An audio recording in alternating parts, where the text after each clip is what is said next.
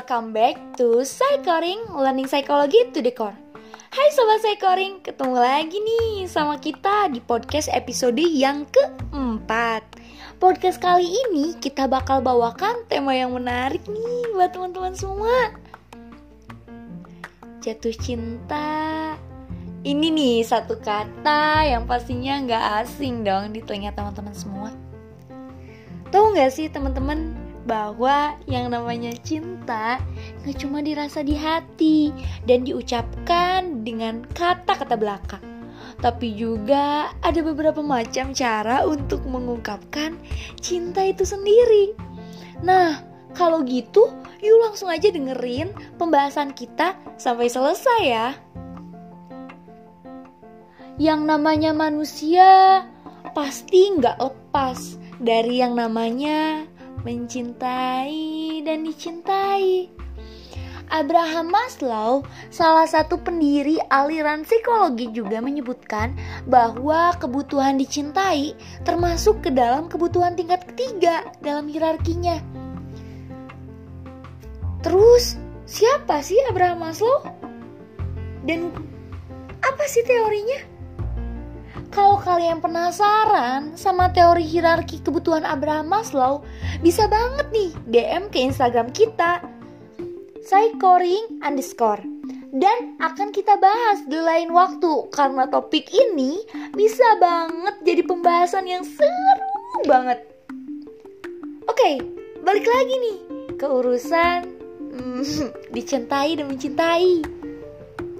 Setiap orang itu pasti punya caranya sendiri menunjukkan kasih sayangnya. Ada yang ngirimin bunga, menyanyikan lagu, bilang good morning tiap pagi, dan masih banyak lagi deh pokoknya. Karena setiap orang itu punya cara yang berbeda-beda. Maka dari itu, kamu harus tahu love language kamu dan pasangan kamu supaya hubungan kalian bisa berjalan lebih lama alias langgeng. Konsep love language ini pertama kali diperkenalkan oleh Gary Chapman di buku yang berjudul The Five Love Language The Secret to Love That Lasts. Dalam bukunya, ia membagi love language ke dalam lima bagian yang masing-masing punya keunikan sendiri. Konsep ini didasari dari pengalamannya dalam konseling di bidang pernikahan atau marriage counseling. Lima konsep love language itu terdiri dari word of affirmation, acts of service, receiving gift, quality time, dan juga physical touch. Tanpa lama-lama lagi, gimana nih kalau kita langsung bedah satu persatu dari konsep kelima love language ini? Oke, Langsung bahas aja nih yang pertama, yaitu word of affirmation. Orang dengan love language ini cenderung menghargai dan menyukai kata-kata manis yang dilontarkan khususnya ke dia. Kata-katanya tuh simple banget, sesimpel bilang I love you atau pujian-pujian lainnya kayak kamu cantik, kamu ganteng, kayak gitu Kalian juga bisa ngirim kayak love letter atau yang sedang tren di sosial media. Saat ini yaitu esai kenapa sih kamu pantas sama dia.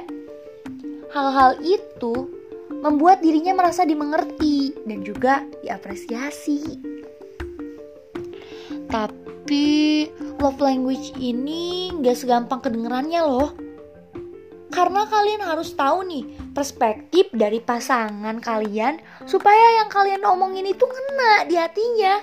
Alias ya baper lah ya pasangan kalian. Dan bukan sebarang kata-kata palsu doang. Berlanjut nih, yang kedua ada acts of service. Kalau yang tadi nih, kita bahas tentang kata-kata. Love language yang satu ini lebih menghargai perilaku atau perbuatan yang diberikan ke dia dibandingkan kata-kata doang. Buat kalian nih yang suka ngumbar janji-janji palsu atau bilang, Aku gak bakal ninggalin kamu sayang.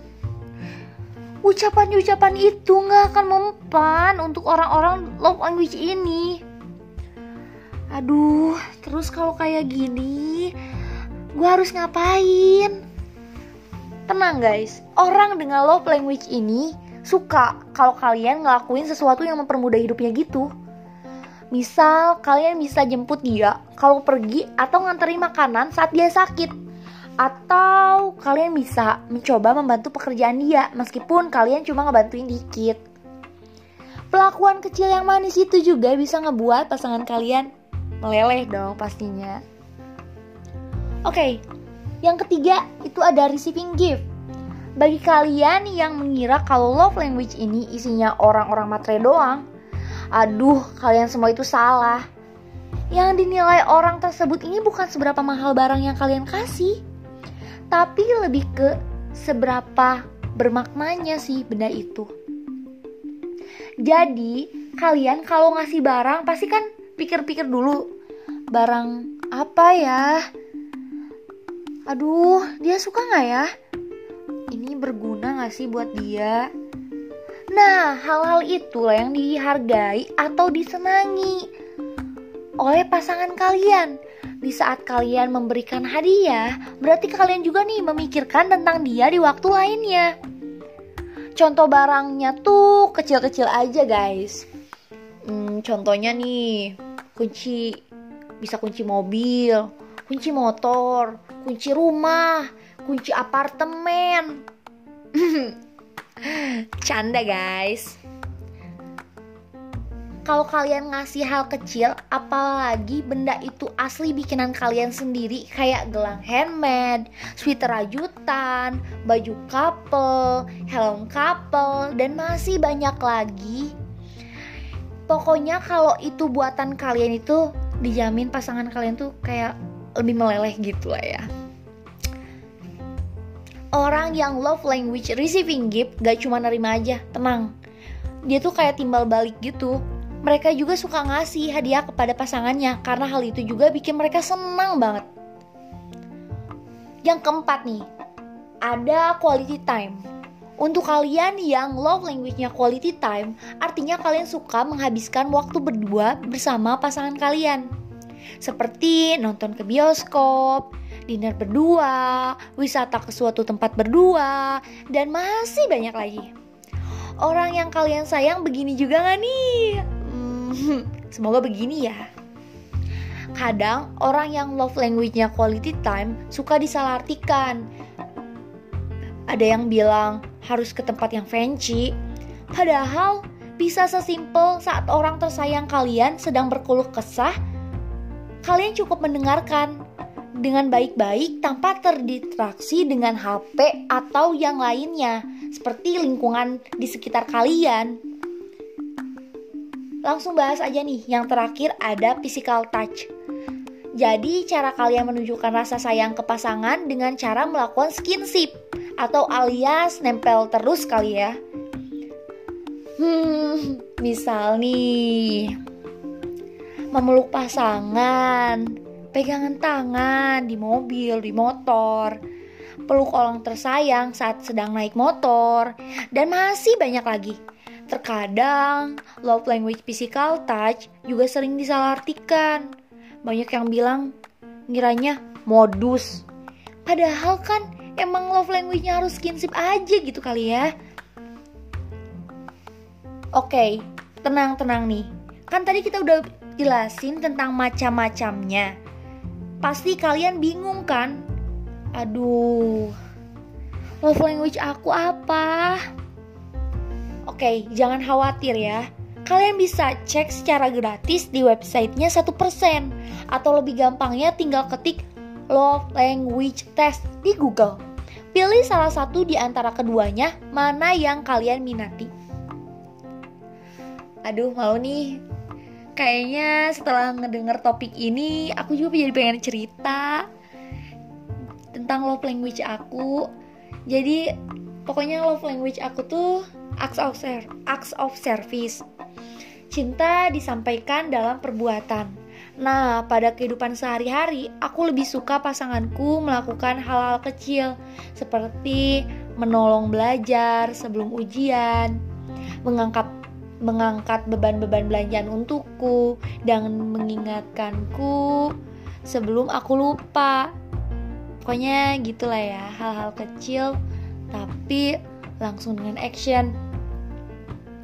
Nah, itu dia love language dari aku. Aduh, jadi penasaran nih sama love language kalian. Sama-sama kayak aku atau beda ya? Oke, kalian bisa nih berbagi cerita tentang love language kalian dengan cara mengirimkan DM ke Instagram psychoring underscore. Love language yang menarik mempunyai kesempatan, mempunyai kesempatan untuk dibacakan di podcast selanjutnya. Oke, tunggu apa lagi dong? Share cerita love language kalian ke Instagram kita ya.